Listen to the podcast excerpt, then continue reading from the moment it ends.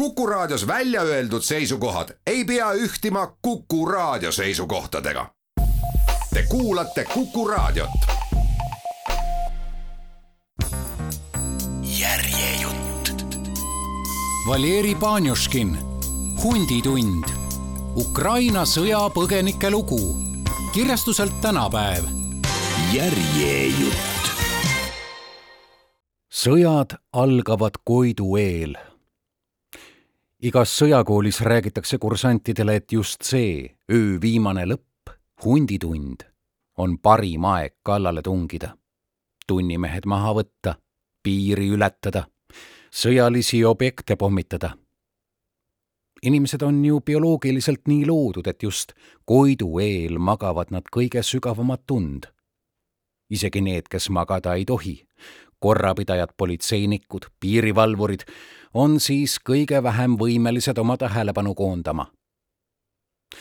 seda õpetatakse kursantidele ja kui kursantidest saavad ükskord kindralid, alustavad nad üksteise järel sõdu ikka Koidu eel.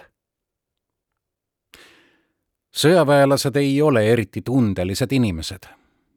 ajaloolised kokkulangevused ja lauluriimid neid ei huvita tõenäoliselt on nad kuulnud Mark Bernessi või Karik Sukatšovi esituses nõukogudeaegset laulu sellest, kuidas täpselt kell neli Kiievit pommitati ja sõja algusest teatati.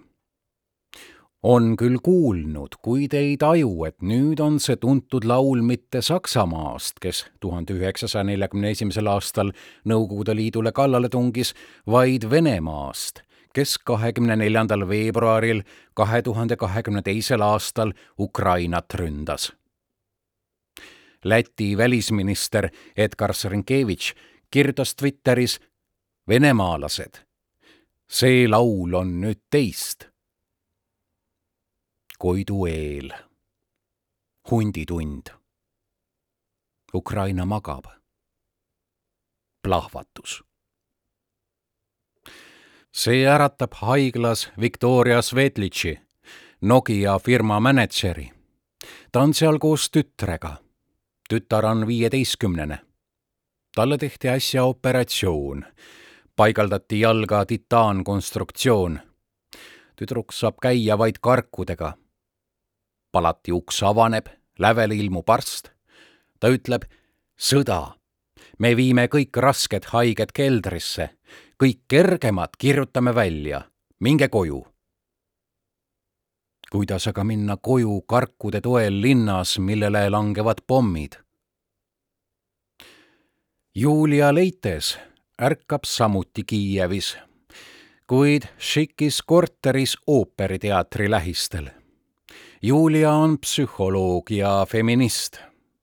töötas pikka aega Moskvas, abielus Venemaa kodanikuga tuli hiljuti kodulinna Kiievisse tagasi, kuna ei olnud suutnud taluda seda ähmaselt määratletavat, kuid kogu Moskva õhus laiali valgunud vabaduse puudumise tunnet, nagu ta ise räägib.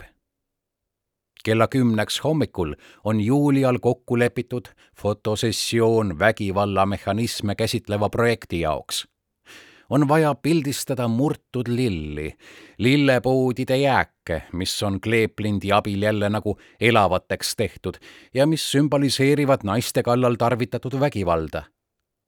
ja nüüd on see vägivald otse akna taga.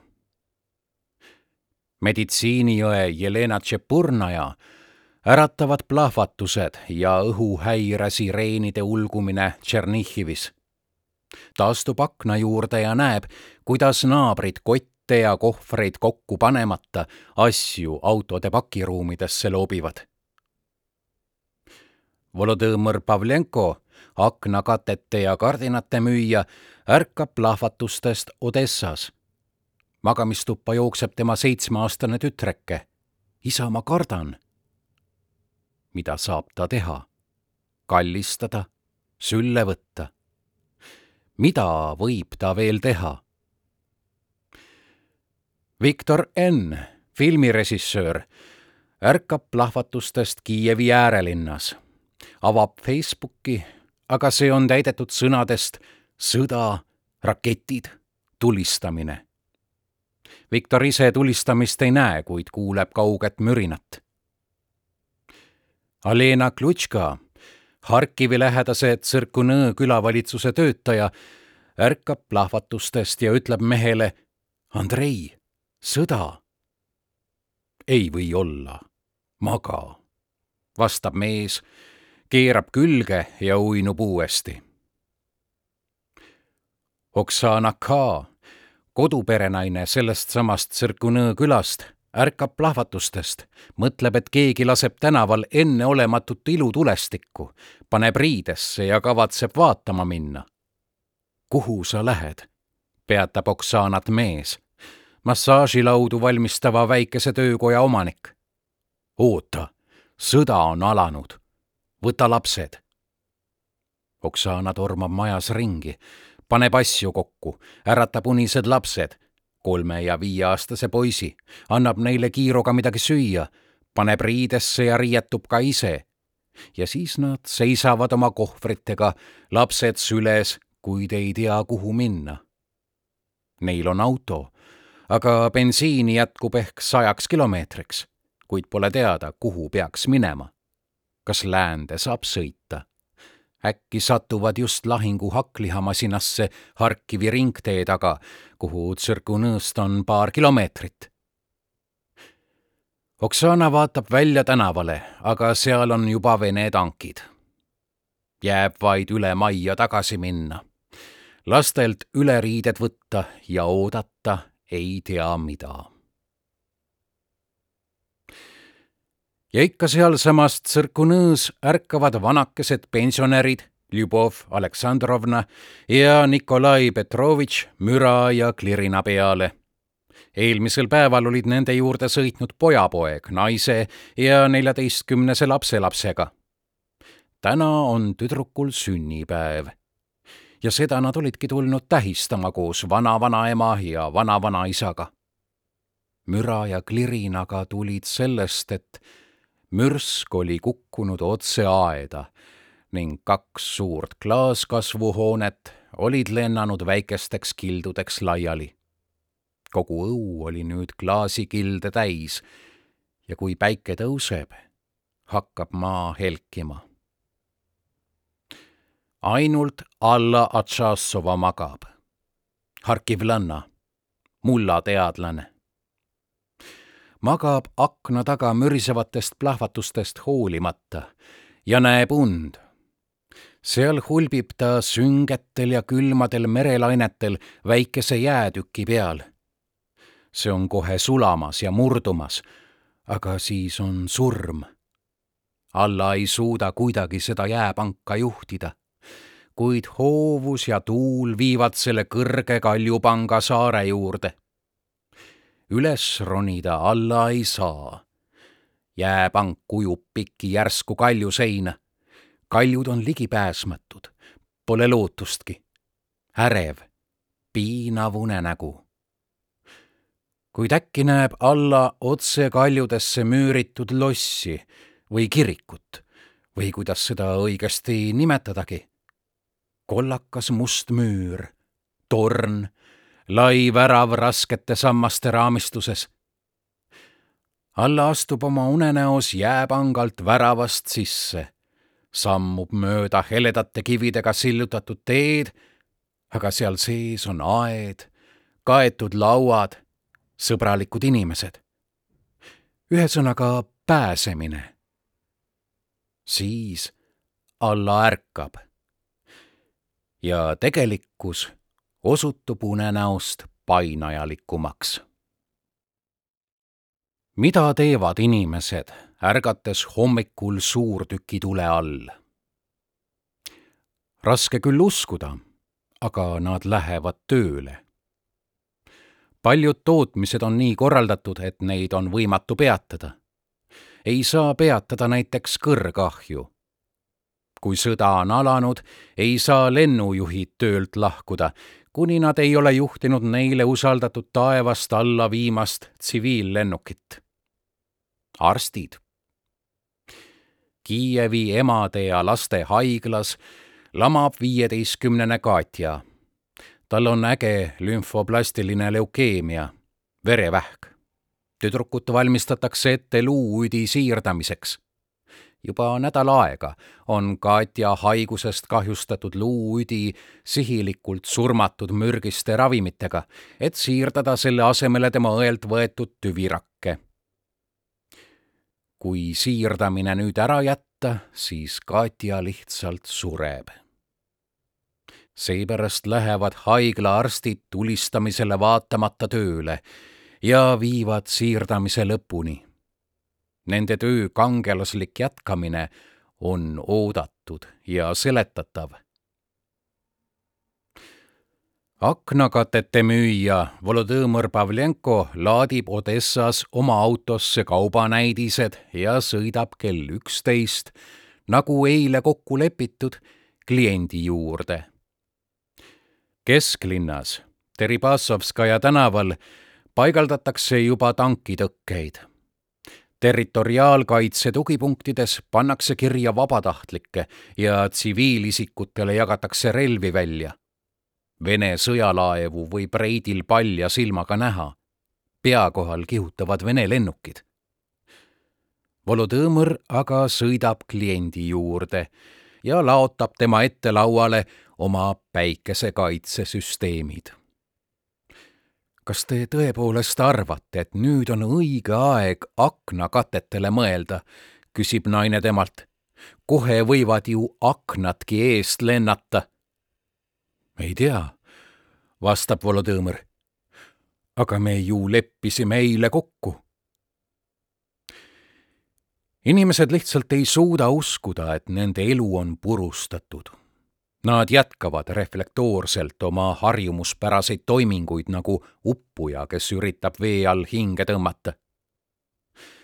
filmirežissöör Viktor N, jätnud naise ja üheksa-aastase tütre koju, sõidab kontorisse et võtta mingid dokumendid ja ajada korda mingid asjad. siis ikka selleks, et asju korda ajada, sõidab äripartneri juurde, kelle kodu asub Hostomeli lennujaama lähedal. Seal sõbra juures tabab Viktorit keelutund.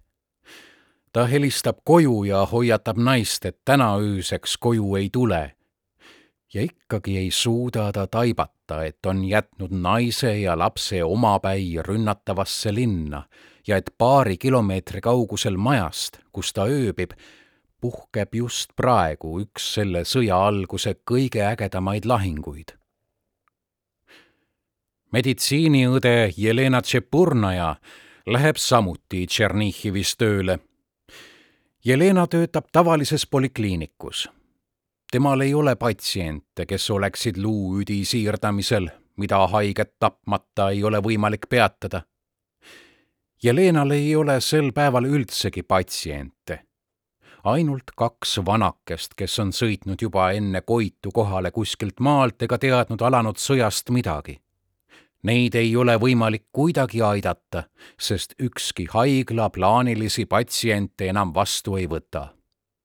polikliinik on tühi kogu personal on koju lubatud, kuid mööda koridore jookseb ringi äärmiselt erutatud kaadriosakonna juhataja ning üritab kuidagi seaduslikult vormistada asjaolu, et kohe praegu lahkuvad kõik arstid, meditsiiniõed, sanitarid ja riidehoidjad töölt. Kirjutage puhkuseavaldused, vatrab kaadriosakonna juhataja ma palun teid, kirjutage puhkuseavaldused, enne kui ära lähete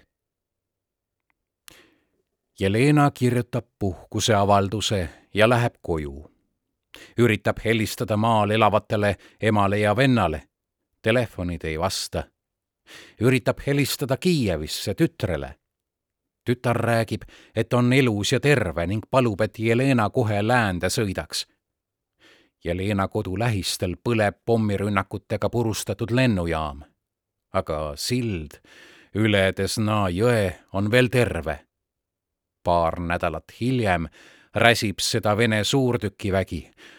aga pärast seda, et Vene vägede edasiliikumist takistada, purustab lõplikult Ukraina oma. Ainus tee läände katkeb.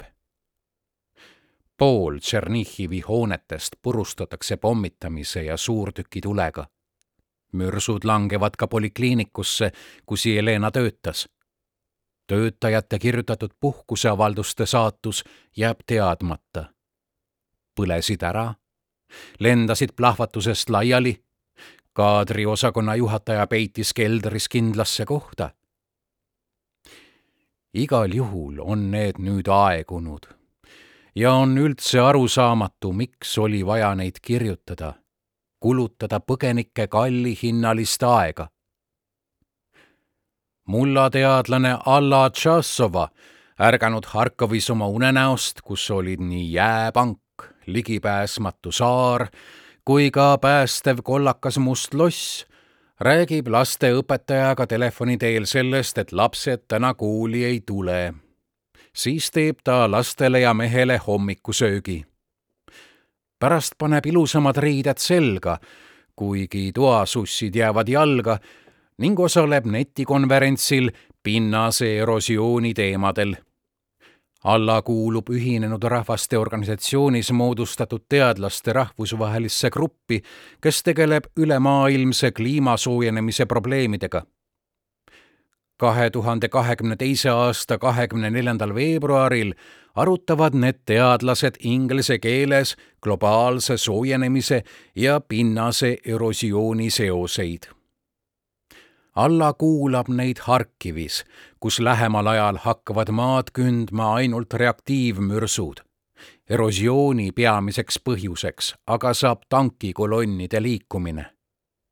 Alla kuulab ja ütleb isegi mõne repliigi vahele, kuni naabrinaine uksele trummeldab. Alla, magad seal või? ringteel käib lahing, tõuse üles, jookseme ruttu keldrisse nad jooksevad. Harkivi ringtee, mille pärast peetakse mitu päeva ägedaid lahinguid, on alla paljukorruselise maja akendest näha. vaatamata sellele, et sõnumid, mida kohalikud võimud laiali saadavad, soovitavad tungivalt, et rahulikud elanikud peidaksid end varjenditesse ja keldritesse peidavad inimesed end ainult esimestel päevadel või ainult neis linnades, mis on vallutatud, jäänud laustule alla nagu Mariupol või siis kannatavad puhastuste ja röövimiste all nagu Butša. mõnda aega üritavad inimesed keldrit elamiseks kohandada. Harkivi lähedases Tsõrkunõ külas paari kilomeetri kaugusel ringteest, mille pärast käib äge lahing helistab Alena Klutškale ristiema, kes elab üle tänava. Teil pole keldrit, jookske meie juurde. Alena koos mehe ja kolmeteistkümnese pojaga jookseb üle tänava, kus seisavad juba Vene väed. sõna jooksma omandab selles sõjas peagi kurja kuulutava tähenduse. Butšas täituvad jututoad teadetest ta jooksis ja ta lasti maha. aga sõda on alles alanud. sõjaväelased on veel meelestatud rahulikke elanikke säästma ja Lena mehe ja pojaga jooksevad üle tänava õnnelikult. ristiema kelder on keldri mõttes suur, kuid liiga väike toaks, kuhu peavad ära mahtuma viis inimest. keldris on külm pluss kaks kraadi ja üsna niiske. riiulitel seisavad veel möödunud suvest purgid marineeritud kurkide ja tomatitega, kastides eelmise aasta saagi kartulid ja peedid. Alena ristiisa ja mees püüavad selle kõik välja kanda, et rohkem ruumi teha ristiisa toob puitalused, et inimesed käiksid laudadel, aga mitte niiskel tsementpõrandal ta toob ka raudpaja, millesse saaks tule teha. paneb paika improviseeritud suitsutoru, mis läheb ventilatsiooniavasse. seab paika toolid, sest ei saa ju põrandal istuda. laotab kaubaalustele madratsid, sest paljastel laudadel ju magada ei saa. madratsid niiskuvad kiiresti kuid üldiselt näeb kõik üsna mugav välja. saab istuda toolidel, vaadata tulle, püüda aeg-ajalt kaduvat internetti ning üritada uudislehekülgedelt või sotsiaalvõrgustikest teada saada, kas venelased on Harkivi juba vallutanud. istuvad vaikides, nina mobiiltelefonides. seda räägivad kõik põgenikud. Esimestel sõjapäevadel inimesed keldrites enamasti vaikivad üksteisega peaaegu ei räägi, kui mitte arvestada olmelisi pisiasju. viska puid juurde, vaja vett tuua. anna lapsele tekk. räägitakse, et teletorn pommitati puruks. vaikus. samal ajal kõigis Ukraina linnades, vähemalt idas ja põhjas, kohandavad elamiseks mitteeluruume. panevad Harkivi metroos üles telke ehitavad Tšernihivi keldrites laudiseid et oleks võimalik lükata vanakeste ratastoole. aga Mariupoli keldris keedavad vett, sest ühel naisel on tuhud ja laps peaks kohe sündima. Marina Polistšuk otsustab Kiievis, et koos tütardega ta päriselt maja all olevasse parklasse ei koli, vaid läheb keldrisse ainult siis, kui õhuhäire välja kuulutatakse seda aga kuulutatakse mitu korda päevas. Marina elab kuueteistkümnendal korrusel ja me mäletame, et tema tüdrukud keelduvad kategooriliselt lifti kasutamast. Kolm-neli korda päevas läheb Marina laste ja esmavajalike asjadega jalgsi kuueteistkümnendalt korruselt miinus teisele, aga pärast jalgsi miinus teiselt korruselt kuueteistkümnendale. lõpuks, kui kuulutatakse välja kuues või seitsmes häire, otsustab Marina jääda korterisse ja istuda esiku põrandal. Mööda treppe ronimisest kurnatud tüdrukud on temaga nõus, vaatamata sellele, et kooli ohutustundides oli neid õpetatud, et pommirünnaku ajal tuleb tingimata keldrisse minna see on omamoodi leppimine. jõuab kätte tund, mil inimene ütleb endale, enam ma ei suuda. Seda võib inimene öelda endale ka alateadlikult. Karina Kovaltšuk räägib Rumeeniast helistavale mehele ikka veel, et jah, tal on parem istuda viieaastase pojaga sügaval maa all ja minna välja ainult helistama tegelikult on Karina haige. tal on palavik, luuvalu üle kogu keha, köha, aga ravimeid ei ole. ka laps on haige. Karina võib mehele öelda, et läheb keldrist koju tagasi kas või seepärast, et korteris on apteegikarbis palavikurohud.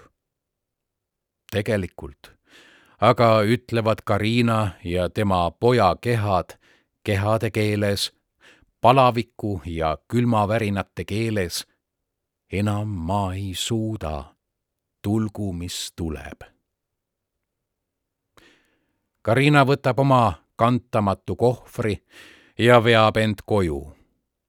seekord sõbrad teda ei aita, keelduvad aitamast, sooritamas tegu, mida peavad arutuks. tänav on tühi Karina ei suuda kohvrit üle trammiteede vedada.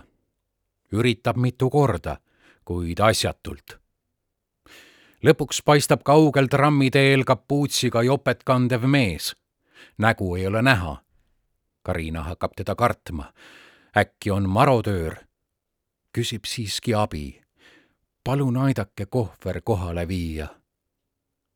mees osutub umbes kuueteistkümneaastaseks poisiks ta kannab Karina kohvri trepikojani, annab tema pojale kompveki ja räägib, et läheb otsima isa, kes teenib territoriaalkaitses. tahab võidelda isa kõrval, sest ei suuda end enam keldris peita. Julia Leitesi vanaema on aga keldris juba küllalt istunud. Julia läheb vanaema ja vanaisa juurde nende vanasse korterisse Krussevskaja tänavas, Ülemraada lähedal, et kutsuda vanakesi endaga koos põgenema. vanaema aga keeldub. Mitte kuhugi ma ei sõida ja keldrisse peitu ka ei lähe. ma juba peitsin end keldris kaheksakümmend aastat tagasi, kui sakslased Kiievi vallutasid. kas ma pean end jälle peitma? ei, rohkem ma ei suuda. teisel sõjapäeval katkes elektrivool ja kadus vesi, mida andsid Tanja paljukorruselisse majja elektripumbad. Tanja tahtis ära sõita. kahekümne viiendal veebruaril sõitsid paljud ära. kaks Tanja naabrinaist istusid kahe lapsega autosse ja sõitsid Kiievi poole. aga kahe tunni pärast tulid tagasi, räpased ja verised rääkisid, et nende auto pihta oli tulistatud venelaste kontrollpostist. jumal tänatud, et keegi pihta ei saanud. tuli autost välja ronida ja roomata üle põllu, kuulates, kuidas üle pea vilisevad neile järele lastud kuulid. koju jõudsid roomates ja üle põiktänavate joostes. majas aga ei olnud isegi vett et naabrinaised ja nende lapsed külmast veebruariporist puhtaks pesta. Neid nähes kartis Tanja ära sõita. järgmisel päeval teatasid linnavõimud, et raudteejaamast väljub evakuatsioonirong. oli raske isegi mõelda, kuidas nad mööda Vaksalna ja tänavat lähevad ja veel lapsega kuidas tütart üle laipade viia, kinni seotud silmadega. oli hirmus, kuid Tanja pani asju kokku, kuni linnavõimud teatasid, et evakuatsioonirong on juba pilgeni täis ja enam kedagi peale võtta ei saa. kodanikel paluti end mitte liigselt ohtu seada ja hoiduda asjatult tänavatele minemast veel üht evakuatsioonirongi lubati järgmiseks päevaks, kuid ööseks oli raudteesild õhku lastud ja põgenemine muutus võimatuks. see-eest parandati elektriliin ja poolteist päeva anti vett. Tanja jõudis täita veega vanni ning kõik kodus leiduvad pudelid, potid ja teekannud. siis kadus gaas ja valgus ja jälle vesi.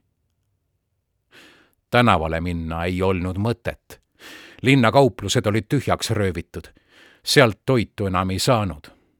apteegid olid samuti tühjaks röövitud. Tanja nägi aknast, kuidas Vene sõdurid ajasid inimesi tema maja vastas oleva gümnaasiumi keldrisse. inimesed kirjutasid keldrist sotsiaalvõrgustikesse, et on seal luku taga hea, et pole maha lastud, sest tõendeid mahalaskmiste kohta esitasid sotsiaalvõrgustikud iga päev. iga päev kella kahest kolmeni pommirünnakud ja tulistamised katkesid. nähtavasti oli sõjaväelastel lõunatund. Tanja nägi aknast, kuidas inimesed läksid sel ajal tänavale, et loomi sööta, omakseid vaatamas käia korjata puruks pommitatud supermarketi põrandalt hirsitangu. või siis saada kuuli, kui Vene sõdur kahtlustab, et oled spioon või tulejuht. või siis peab pommiks tangupakki sinu käes Tanja käis selle lõunavaikuse ajal ainult oma trepikojas. elanikud organiseerusid keerasid välisukse lukku ja panid ukse juurde vahetatavad korrapidajad, kes oleksid pidanud, ei tea kuidas, takistama sõdureid, kui need oleksid hakanud äkki sisse murdma. trepimademed aga muutusid improviseeritud naturaalmajanduse turuks. raha eest trepimademetel keegi midagi ei ostnud. vahetati kruupe suhkru vastu, loomalihakonserve peki vastu, kohvi sigarettide vastu kümnendal päeval lendas Tanja korterist kahe korteri võrra eemale seitsmendale korrusele mürsk. kaubavahetus trepil jäi tagasihoidlikumaks ja ettevaatlikumaks. inimesed eelistasid istuda korterites ja järgida kahe seina reeglit ehk peita end esikusse. nii et tänavast eraldaks inimesi vähemalt kaks seina teise nädala lõpuks. isegi vaikse tunni ajal trepile peaaegu enam ei mindud. vahetada polnud midagi. toit sai otsa. kätte jõudsid näljapäevad. Ühel esimestest näljapäevadest, üheksandal märtsil, koputas Tanja uksele naabrinaine ja rääkis, et avatakse roheline koridor eraautodele Tanja mehega otsustasid ära sõita.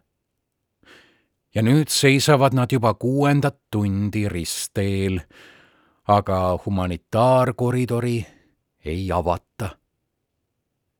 Tanja pöördub ümber, et tütrekest rahustada. ära karda, väikseke, ära tõsta silmi, vaata alla. pöördub ringi ja näeb, kuidas kolmas või neljas auto neist tagapool keerab kolonnist välja sõidab vastassuunavööndis ristmikule ja pöörab Kiievi poole. Tanja katab kõrvad kinni ja suleb silmad. ootab lasku granaadiheitjast või automaadi valangut. Laske ei tule. Tanja avab silmad ja näeb, et esimese auto järel keerab Kiievi suunas teine, kolmas, neljas. kolonn hakkab liikuma eespool seisnud autod on ära sõitnud, tee on vaba. tagant sõidavad autod Tanja omast mööda. paljud on ilma akendeta, paljud killuauke täis. Peaaegu kõigil autodel on valged linad, padjapüürid või rätikud kirjaga lapsed. no mis sa seisad, sõidame, ütleb Tanja mehele ja nad sõidavad. kolonn liigub aeglaselt. tee peenardel lebavad surnud inimesed. ära tõsta silmi, väikseke, vaata põrandale. ees on Vene kontrollpost. Selleni jõudnud tardub kolonn paigale Pole teada, kas Vene sõjaväelased on saanud käsu avada humanitaarkoridor või lihtsalt nähes kolme tuhande auto pikkust kolonni, on otsustanud, et kui inimesed juba kord sõidavad, on koridor avatud. nii või teisiti, aga sõdurid lasevad kolonni läbi. Auto auto järel, otsides need üsna hoolikalt läbi, vaadates fotosid telefonides ja SIM-kaarte tee äärsesse kraavi loopides võttes endale hinnalisi asju, näiteks arvuteid, kui leiavad, aga siiski lasevad läbi. niiviisi ühe auto kaupa veerand tunni jooksul läbib kolonn neli Vene kontrollposti. Kui viimane on jäänud selja taha, on juba öö käes. ja kolonn on veninud kümne võib-olla isegi viieteistkümne kilomeetri pikkuseks. Nad sõidavad pimeduses Kiievi poole. viimane peatükk on minust. mõistagi seda, kuidas lahkume kodumaalt meie, ei ole võimalik võrrelda sellega, kuidas lahkuvad kodumaalt Ukraina põgenikud, vaevatud näljast, külmast ja pommirünnakutest aga mida teha süütundega? agressormaa kodanikku põletava ebaõiglus ja kohatuse tundega. mida teha sellega, et inimesed, keda ma armastan, nimetavad kurjust headuseks ja pimedust valguseks? selles üldises hädameres, mille minu kodumaa on paisanud Ukrainale ja kogu maailmale, sealhulgas omaenda rahvale, on ka minu isiklikud hädad. kaks mu koolikaaslast läksid lõplikult tülli, sest üks peab seda sõda õiglaseks, teine aga kuritegelikuks. mu laste kooliõpetaja, keda nad armastasid, kirjutas enne maipühi kooli jututoas, et lapsed peavad valmistuma patriootlikuks demonstratsiooniks. Neile jagatakse sõjaväe pilotkad ja nelgiõied, et uhkusega marssida. igale lapsele üks lilleõis. Pidupäeva nelgi eest peab iga laps tooma kooli sada rubla sellele kuulutusele vastas mu ämm jututoas mürgise kommentaariga nagu kallivõitu. surnuaias maksavad nelgid viiskümmend rubla tükk. me naersime, kuid tegelikult ei ole midagi naljakat selles, et riik on võtnud käsile lapsed, valetab meie lastele, õpetab neid valetama vähem kurb ei ole ka see, kui kiiresti on omandanud taas oskuse pidada valet tõeks meie vanurid, keda treeniti leppima valega juba nõukogude aegadel. näiteks minu isa. minu isa, minu papi, põdur kaheksakümne kahe aastane vanamees on sõja poolt. Ta on hea inimene, ma armastan teda ta õpetas mind jalgrattaga sõitma, süstaga aerutama, töötama sae, peitli ja höövliga. ta on suurepärane meister, teinud kogu elu makette teatritele ja näitusesaalidele.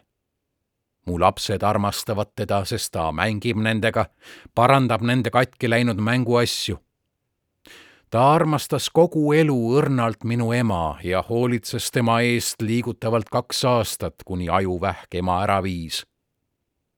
aga nüüd toetab ta sõda. ja me peaaegu ei räägi omavahel. küsin ainult, kas ta on ikka õigel ajal rohtu võtnud. kui ema kümme aastat tagasi suri, leinas isa nii väga, et sulgus oma tuppa tuppa ja tuli sealt välja ainult selleks, et midagi süüa ja vetsus käia.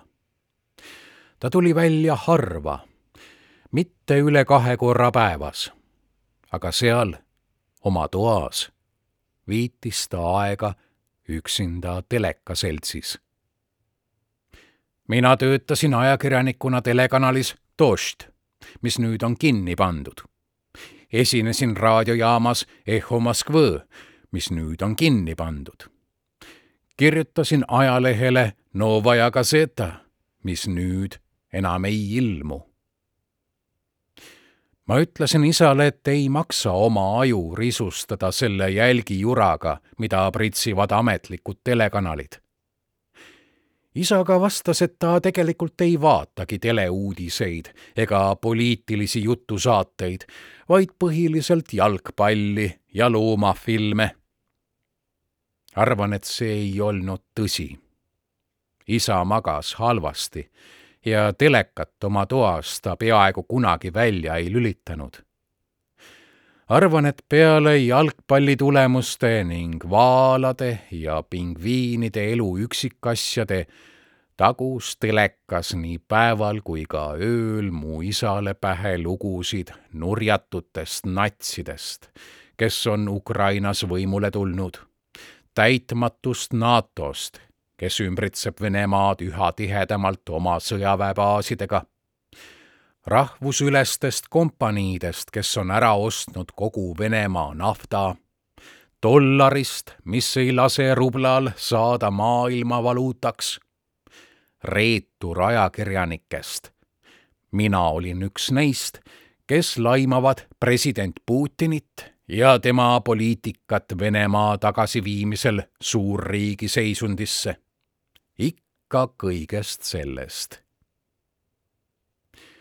mõni kuu pärast tema surma, kui kaotuse valu järele andis, hakkas isa meil külas käima, meid enda juures vastu võtma, lapselastega mängima ja minuga rääkima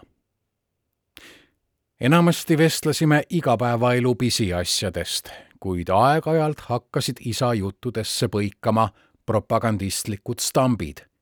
Lääne surve, agressiivne NATO, venelastele võõrad väärtused, viies kolonn. isa, mina olen see viies kolonn. Pole sa mingi viies kolonn, sa oled lihtsalt lollike pareeris isa, ignoreerides fakti, et tema poeg on tuntud ajakirjanik ja literaat, isa uhkuse objekt. ta naeris, nagu soovides juba küpsenud tüli naljaks pöörata. nii elasime me kahe tuhande kahekümne teise aasta kahekümne neljanda veebruarini. siis algas sõda esimesel nädalal ei rääkinud me sõjast üldse, justkui lootes, et see lihtsalt lõpeb nagu halb unenägu. hiljem hakkasin ma kirjutama raamatut põgenikest. jõudes tagasi oma sõitudelt nende juurde, läksin isa juurde ja rääkisin neist aga vaevalt jõudsin hakata selle naise sõnu isale ümber jutustama kui ta hüppas püsti ja pistis karjuma. Ta ei olnud nii karjunud minu peale kordagi elus. mitte kordagi minu viiekümne kahe eluaasta jooksul. kuidas sa julged? kuidas jätkub sul südametunnistust midagi sellist rääkida? kuidas sa võisid mõelda, et Vene sõdur võib tappa lapsi ja naisi? ta karjus. Ja mina kartsin, et kohe nüüd kukub ta maha ja sureb südamerabandusse. ja siis ma taipasin. ta saab kõigest aru. inimene, kes ei saa aru või on valedest halvatud, kaldub siiski, eriti jutuajamistel lähedastega, esitama küsimusi, tundma huvi, kahtlema aga minu isa kisendas meeleheite viimasel piiril. nii teevad inimesed, kes mõistavad kohutavat tegelikkust, kuid ei suuda seda vastu võtta, kuna see vastuvõtt on hirmsam kui surm. järjejutt. Valeri Panjuškin, Hunditund Ukraina sõjapõgenike lugu kirjastuselt tänapäev. järjejutt